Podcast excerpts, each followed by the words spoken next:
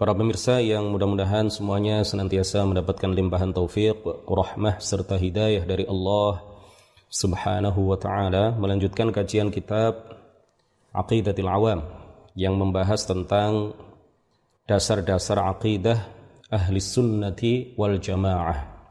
Kita ikuti terus kajian kitab Aqidatul Awam supaya kita tidak awam dengan akidah kita sendiri yaitu akidah ahli sunnati wal jamaah yang diajarkan dan diyakini oleh para ulama ahli sunnati wal jamaah. Pada pertemuan sebelumnya kita telah selesai membahas tentang bait nazam yang ke-11 Arsala anbiya dhawi fatanah bisidqi wat tablighi wal amanah yang dijelaskan di dalam bait nazam ini beberapa sifat wajib bagi para nabi. Pada sesi dan majelis malam hari yang insya Allah penuh barokah ini kita akan mengkaji bait nazam yang ke-12. Beliau mengatakan Qala al-muallif rahimahullahu taala wa nafa'ana bihi wa bi'ulumihi wa amaddana bi wa afadha alaina min barakatihi amin. Wa fi haqqihim min 'aradi naqsin ka khafifil maradi wajaizun dan jaiz. Wajaizun dan jaiz dan boleh fi haqqihim pada diri para nabi. Min aradi sifat-sifat kemanusiaan. Bi ghairi naqsin tanpa merendahkan dan tanpa mengurangi derajat kenabian mereka. Ka fil maradi seperti sakit yang ringan. Pada bait nazam yang ke-12 ini, pengarang kitab ini ingin menjelaskan kepada kita semuanya mengenai sifat jaiz bagi para nabi, sifat yang mungkin saja terjadi pada diri para nabi, yaitu beliau mengatakan fi haqqihim min maradi wa jaizun fi haqqihim min uh, bukan min maradi tapi min aradi ya bighairi naqsin ka khafifil maradi. Dan jais pada diri para nabi min aradi yaitu sifat-sifat basyariyah, sifat-sifat kemanusiaan, sifat-sifat yang uh, apa menunjukkan bahwa mereka memang adalah manusia bukan Tuhan ya tetapi perlu kita tegaskan bahwa sifat-sifat kemanusiaan yang mungkin saja dialami oleh para nabi itu bi ghairi naqsin, tidak mengurangi, tidak mencederai apa e, derajat kenabian mereka. Contohnya adalah kakhofi fil marodi seperti sakit yang ringan. Di antara sifat jais pada diri para nabi yang biasa disebutkan oleh para ulama juga selain sakit yang ringan adalah juga menikah misalkan. Makan, minum, ya, tidur mata mereka tetapi hati mereka tidak tidur karena para nabi itu hatinya tidak tidur, ya. Para nabi itu hati mereka tidak tidak tidur meskipun mata mereka tidur, mata mulia mereka menutup tidur seakan-akan tidur tetapi hati mereka dijadikan oleh Allah Subhanahu wa taala tidak tidur tetapi terus terjaga, terus dalam keadaan jaga, terus dalam keadaan sadar. Sifat-sifat kemanusiaan yang mustahil bagi para nabi ya adalah sifat-sifat kemanusiaan yang menurunkan derajat kenabian mereka. Contohnya adalah seperti apa? Penyakit yang berat yang sampai menguasai hati dan pikiran mereka. Ini tidak mungkin terjadi pada diri seorang nabi. Sakit pada jasad mereka iya, tetapi kalau sakit yang sampai mengucapkan sesuatu yang tidak dia sadari karena pikirannya e, berubah misalkan, eh, ini mustahil terjadi pada diri seorang seorang nabi. Kemudian kemudian juga penyakit berat yang menyijikkan sampai orang-orang yang menjadi objek dakwahnya itu lari dan menyingkir dari darinya misalkan. Oleh karena itu dari kaidah yang telah disebutkan oleh Syekh Ahmad Al-Marzuqi ini kita bisa menyimpulkan sebagaimana diterangkan oleh beberapa orang ulama bahwa Nabi Ayyub alaihi salam di dalam sebuah cerita yang dinyatakan bahwa beliau mengalami penyakit berat yang sangat menjijikkan ini adalah cerita yang bertentangan dengan kaidah yang terkait dengan kenabian bahwa sifat jaiz pada diri seorang nabi itu disebutkan di dalam kitab Nadhaman ini, kitab Manzumah ini, kitab Aqidatil Awam ini contohnya adalah seperti sakit yang ringan.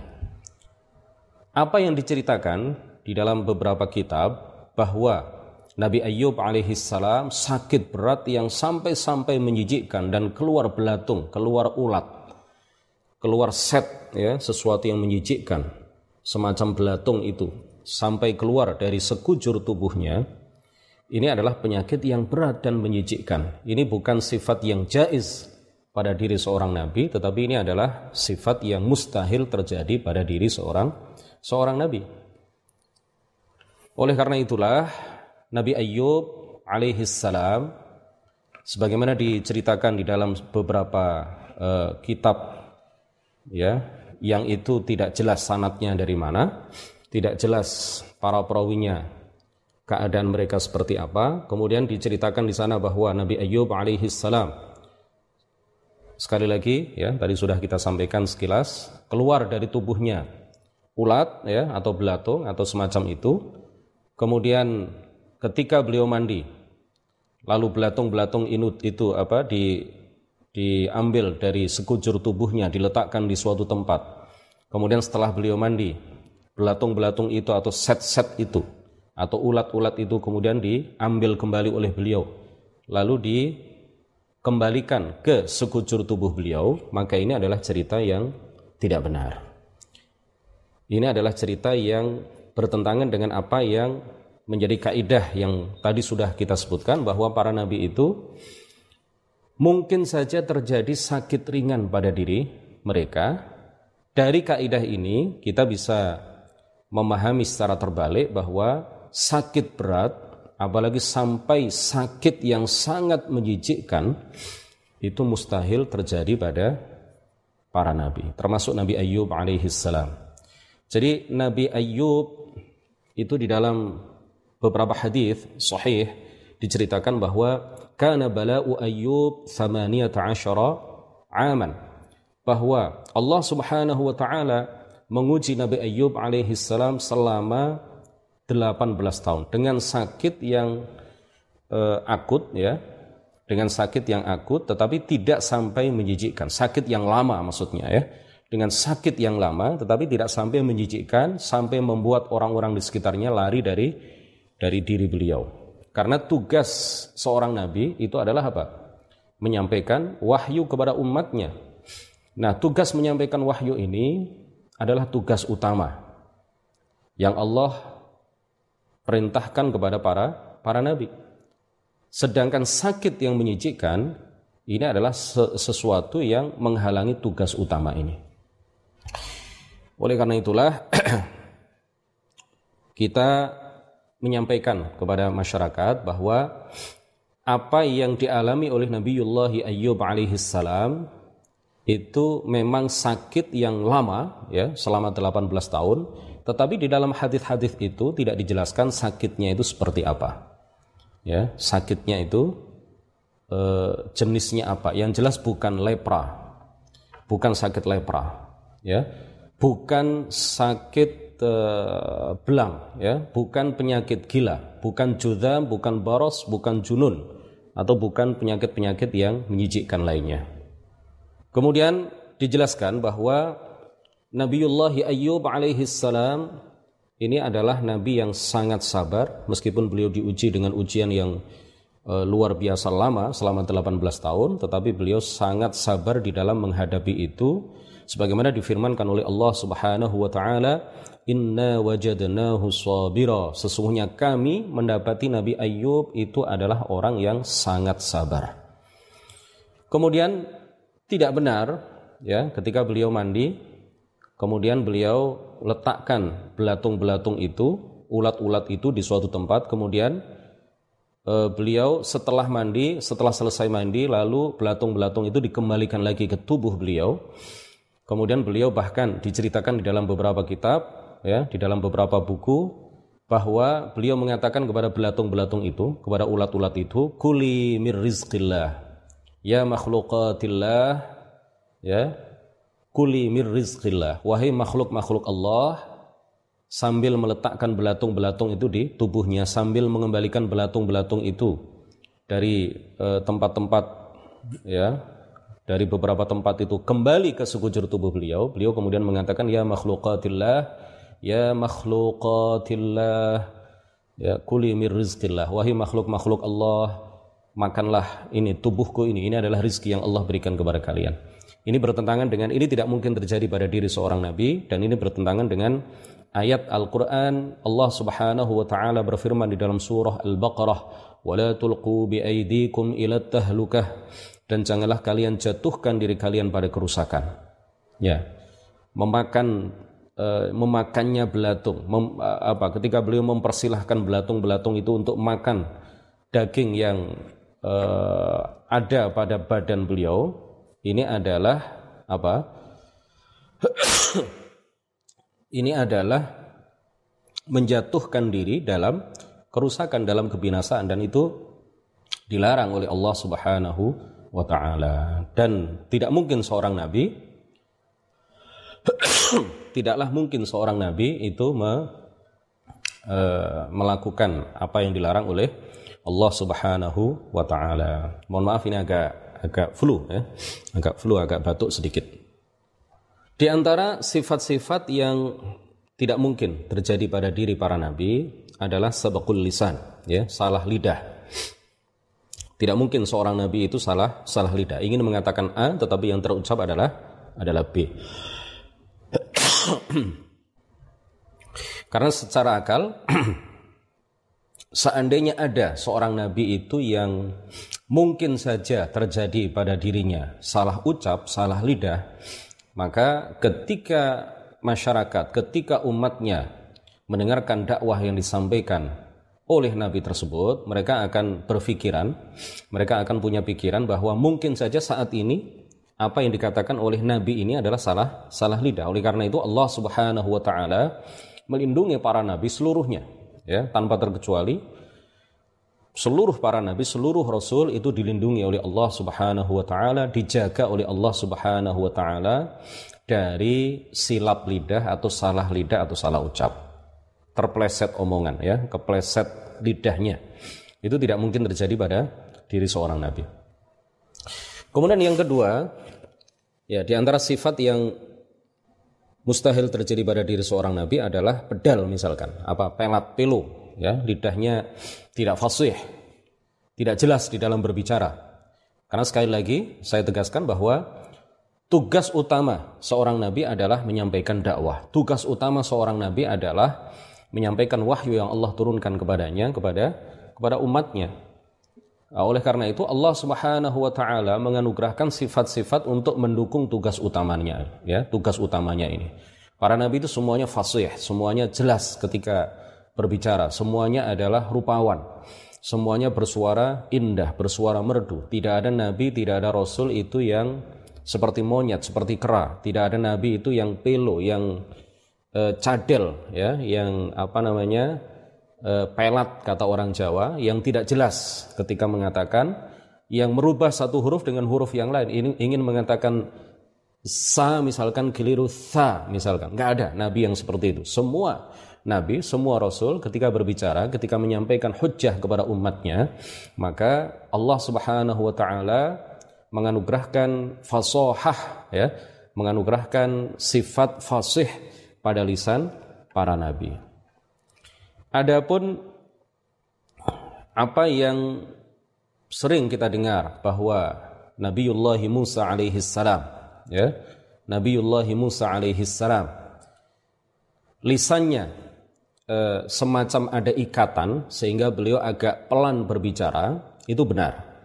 Tetapi kalau dikatakan bahwa beliau adalah orang yang tidak fasih di dalam berbicara mengganti satu huruf dengan huruf lainnya ya atau eh, apa tak misalkan te, ketika berbicara beliau beliau eh, semacam orang yang kesulitan di dalam berbicara itu tidak mungkin terjadi pada diri seorang nabi termasuk Nabi Musa alaihi salam. Memang ada sebuah uh, ikatan atau bundelan di dalam lidahnya ya, tetapi beliau tetap adalah orang yang fasih di dalam berbicara dan apa yang beliau sampaikan itu sangat jelas dan sangat dipahami oleh umatnya ketika beliau menyampaikan dakwah, ketika beliau menyampaikan hujah, ketika beliau mengajak umatnya ke dalam kebenaran, ya, ke dalam kebaikan dan mencegah mereka dari perbuatan-perbuatan mungkar, apa yang beliau sampaikan itu sangat jelas dan bisa dipahami oleh umatnya, sangat fasih.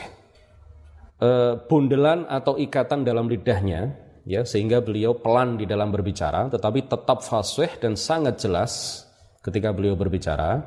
Bundelan itu diakibatkan karena beliau pernah pada waktu masih kecil, beliau memasukkan bara api ke dalam ke dalam mulutnya ya ketika ditawari oleh Firaun ya, antara bara api dan lainnya kemudian beliau memilih bara api karena itu bagi Musa kecil saat itu ya adalah sesuatu yang menarik perhatian beliau kemudian dimasukkan ke dalam mulutnya dan mengenai sedikit lidahnya. Gara-gara itu kemudian beliau semacam ada bundelan di lidahnya ya semacam ada ikatan di lidahnya. Lalu ketika beliau berbicara itu beliau berbicara dengan pelan ya tetapi sekali lagi ini perlu saya tegaskan kembali beliau tetap fasih dan tetap membicarakan sesuatu menyampaikan sesuatu itu dengan sangat jelas dan bisa di, dipahami. Tetapi kemudian beliau berdoa kepada Allah Subhanahu wa taala agar ikatan di lidahnya itu dilepas oleh Allah Subhanahu wa taala dalam firman Allah Subhanahu wa taala yang menceritakan mengenai doa yang sangat populer yang pernah dipanjatkan oleh Nabiullah Musa alaihi salam supaya Allah me menghilangkan atau melepas ikatan yang ada di di lidahnya itu beliau mengatakan qala rabbi shrah li sadri wa yassir li amri wahlul 'uqdatam min lisani yafqahu qawli kemudian mustahil pada diri seorang nabi itu cacat fisik yang permanen seperti buta, tuli, pincang, ya dan semacamnya.